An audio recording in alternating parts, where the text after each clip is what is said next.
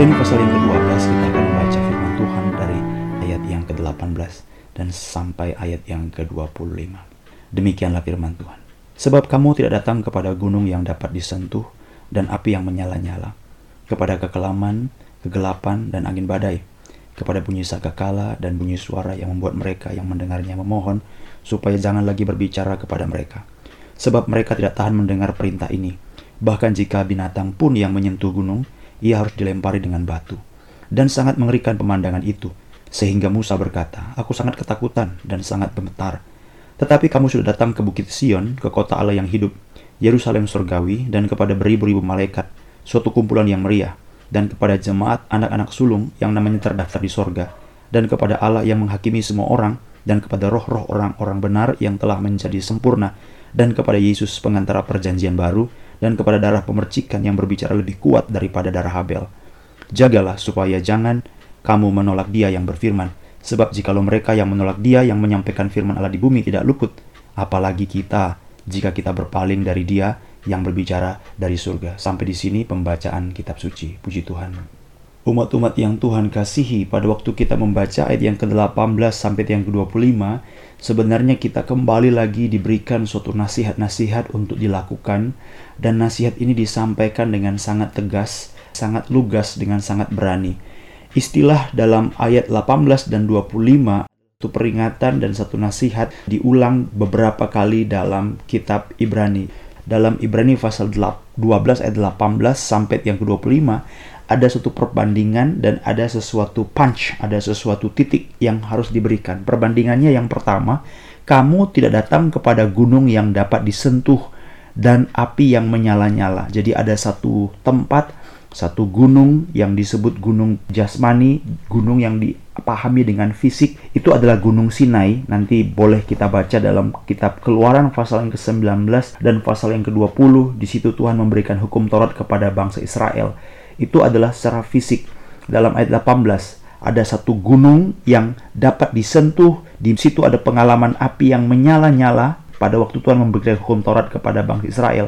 Kekelaman, kegelapan, dan angin badai dan seterusnya. Itu suatu gambaran yang pertama dibandingkan dengan gambaran yang kedua dalam ayat 22. Tetapi kamu sudah datang ke Bukit Sion, kota Allah yang hidup, Yerusalem sorgawi. Yang pertama tadi adalah Sinai, Gunung Sinai yang bersifat jasmani, sekarang dia bersifat rohani, bersifat surgawi. Ayat 22, tetapi kamu sudah datang ke Bukit Sion, ke kota Allah yang hidup, Yerusalem surgawi. Jadi ada sesuatu yang dibandingkan antara yang jasmani dengan ada yang rohani. Antara Gunung Sinai disebut di situ dan ada yang disebut Bukit Sion ada yang disebut di mana orang Israel datang kepada suatu pengalaman-pengalaman fisik, pengalaman-pengalaman yang dapat dipindai dengan indera, dapat dikenali, dapat dirasa, dapat dipandang dengan mata sendiri, mata jasmani ini saudara-saudara.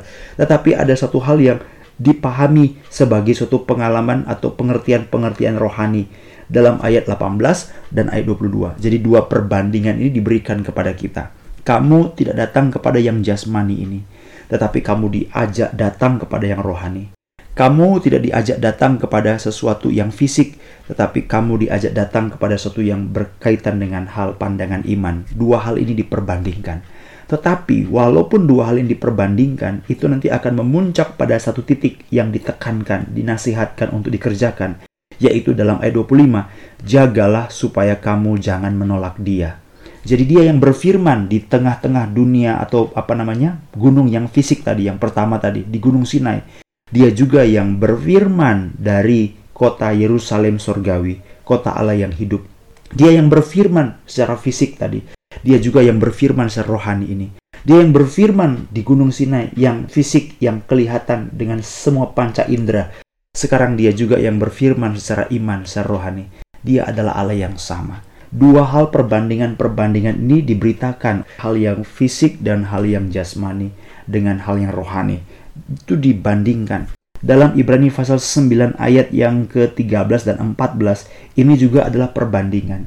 Perbandingan pertama Ibrani 9 ayat 13 dan 14 darah domba jantan dan darah lembu jantan dan percikan abu lembu muda. Itu fisik di mana orang Israel pada waktu mereka memohon pengampunan, waktu mereka datang kepada Tuhan membawa korban, ya korban lembu, korban domba. Mereka datang, mereka membawa persembahan, mereka membawa binatang korban, dan Alkitab berkata bandingan pertama yang fisik, darah domba jantan, darah lembu jantan, percikan abu lembu muda, itu menguduskan.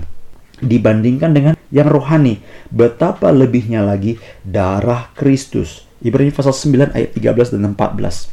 Antara yang jasmani dengan yang rohani, yang fisik dengan yang imani. Ini perbandingannya, saudara-saudara.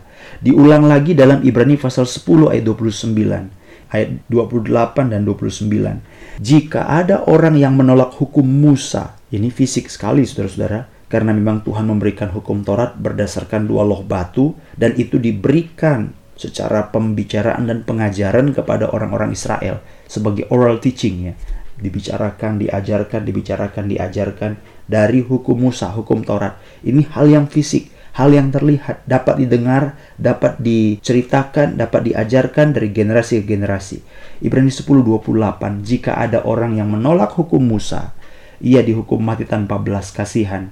Demikian juga yang rohani, ayat 29, betapa lebih beratnya hukuman yang harus dijatuhkan atas yang menginjak-injak anak Allah yang menganggap najis darah perjanjian yang menguduskan dan menghina roh kasih karunia. Ini sudah berbicara tentang hal yang rohani.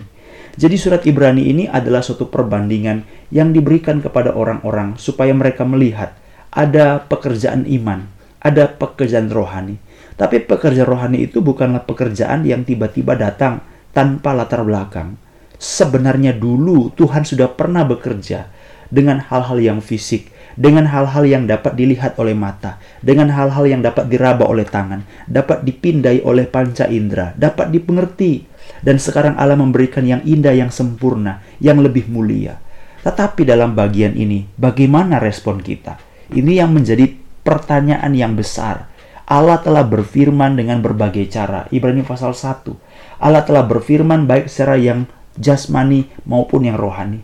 Allah berfirman dengan sesuatu yang dapat didengar oleh telinga dan dapat didengar oleh hati nurani. Allah berfirman dengan segala macam cara, tetapi pertanyaan terakhir adalah tetap bagaimana respon kita. Allah berfirman dengan korban binatang, tapi dia juga telah bekerja dengan darah Kristus yang mahal.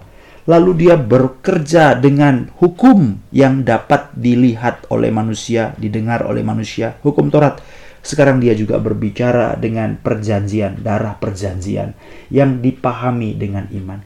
Kemudian dia juga menyatakan, kamu tidak datang kepada gunung yang dapat disentuh, yang secara fisik gunung Sinai.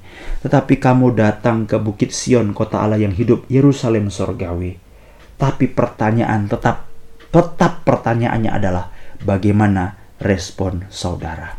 Begitu banyak orang mengatakan, ah aku ingin seperti yang jasmani saja. Kalau yang jasmani nanti aku akan percaya. Kadang-kadang kita terlalu memaksakan diri untuk berdusta di hadapan Tuhan. Dan kita berkata, aku kalau tidak ada sesuatu fenomena, aku kalau tidak ada kesembuhan, aku tidak ada mujizat, aku kalau tidak diberkati, aku kalau tidak doa dijawab, aku tidak mau datang kepada Tuhan. Selalu kita menantikan hal-hal yang bersifat jasmani, supaya kita disebut percaya. Tapi hal-hal yang jasmani pun telah diberikan Allah, tetap ada yang menolak. Hal-hal yang rohani pun diberikan oleh Allah, ada kemungkinan orang menolak. Selalu ada. Maka tetap pertanyaan bagaimana respon kamu. Dari hal-hal yang jasmani, Tuhan berkata, ada kemuliaan Allah di sana. Yang rohani, kemuliaan Allah lebih besar ada di sana Pertanyaannya bukan kemuliaan mana yang lebih besar, tapi apa respon kamu. Kalau hal yang jasmani ada penghukuman Tuhan di sana, ada keadilan Tuhan di sana. Yang rohani pun lebih lagi keadilan Tuhan akan dinyatakan. Tapi pertanyaannya bukan mana yang lebih keadilan Tuhan dinyatakan, apa respon kamu? Apa respon kamu? Ibrani pasal yang ke-9 13 dan 14. Apa respon kamu? Ibrani pasal 10 ayat 29. Apa respon kamu? Sekarang Ibrani pasal 12 ayat 18 dan ayat 22. Apa respon kamu? Ayat 25. Jagalah supaya kamu jangan menolak dia yang berfirman. Kiranya Tuhan menolong kita supaya kita melihat Persoalannya bukan jasmani atau rohani. Allah telah menetapkan kepada kita untuk respon akan firman-Nya. Jagalah supaya kamu jangan menolak Dia yang berfirman. Marilah kita berdoa, Tuhan memberikan kekuatan untuk jalankan firman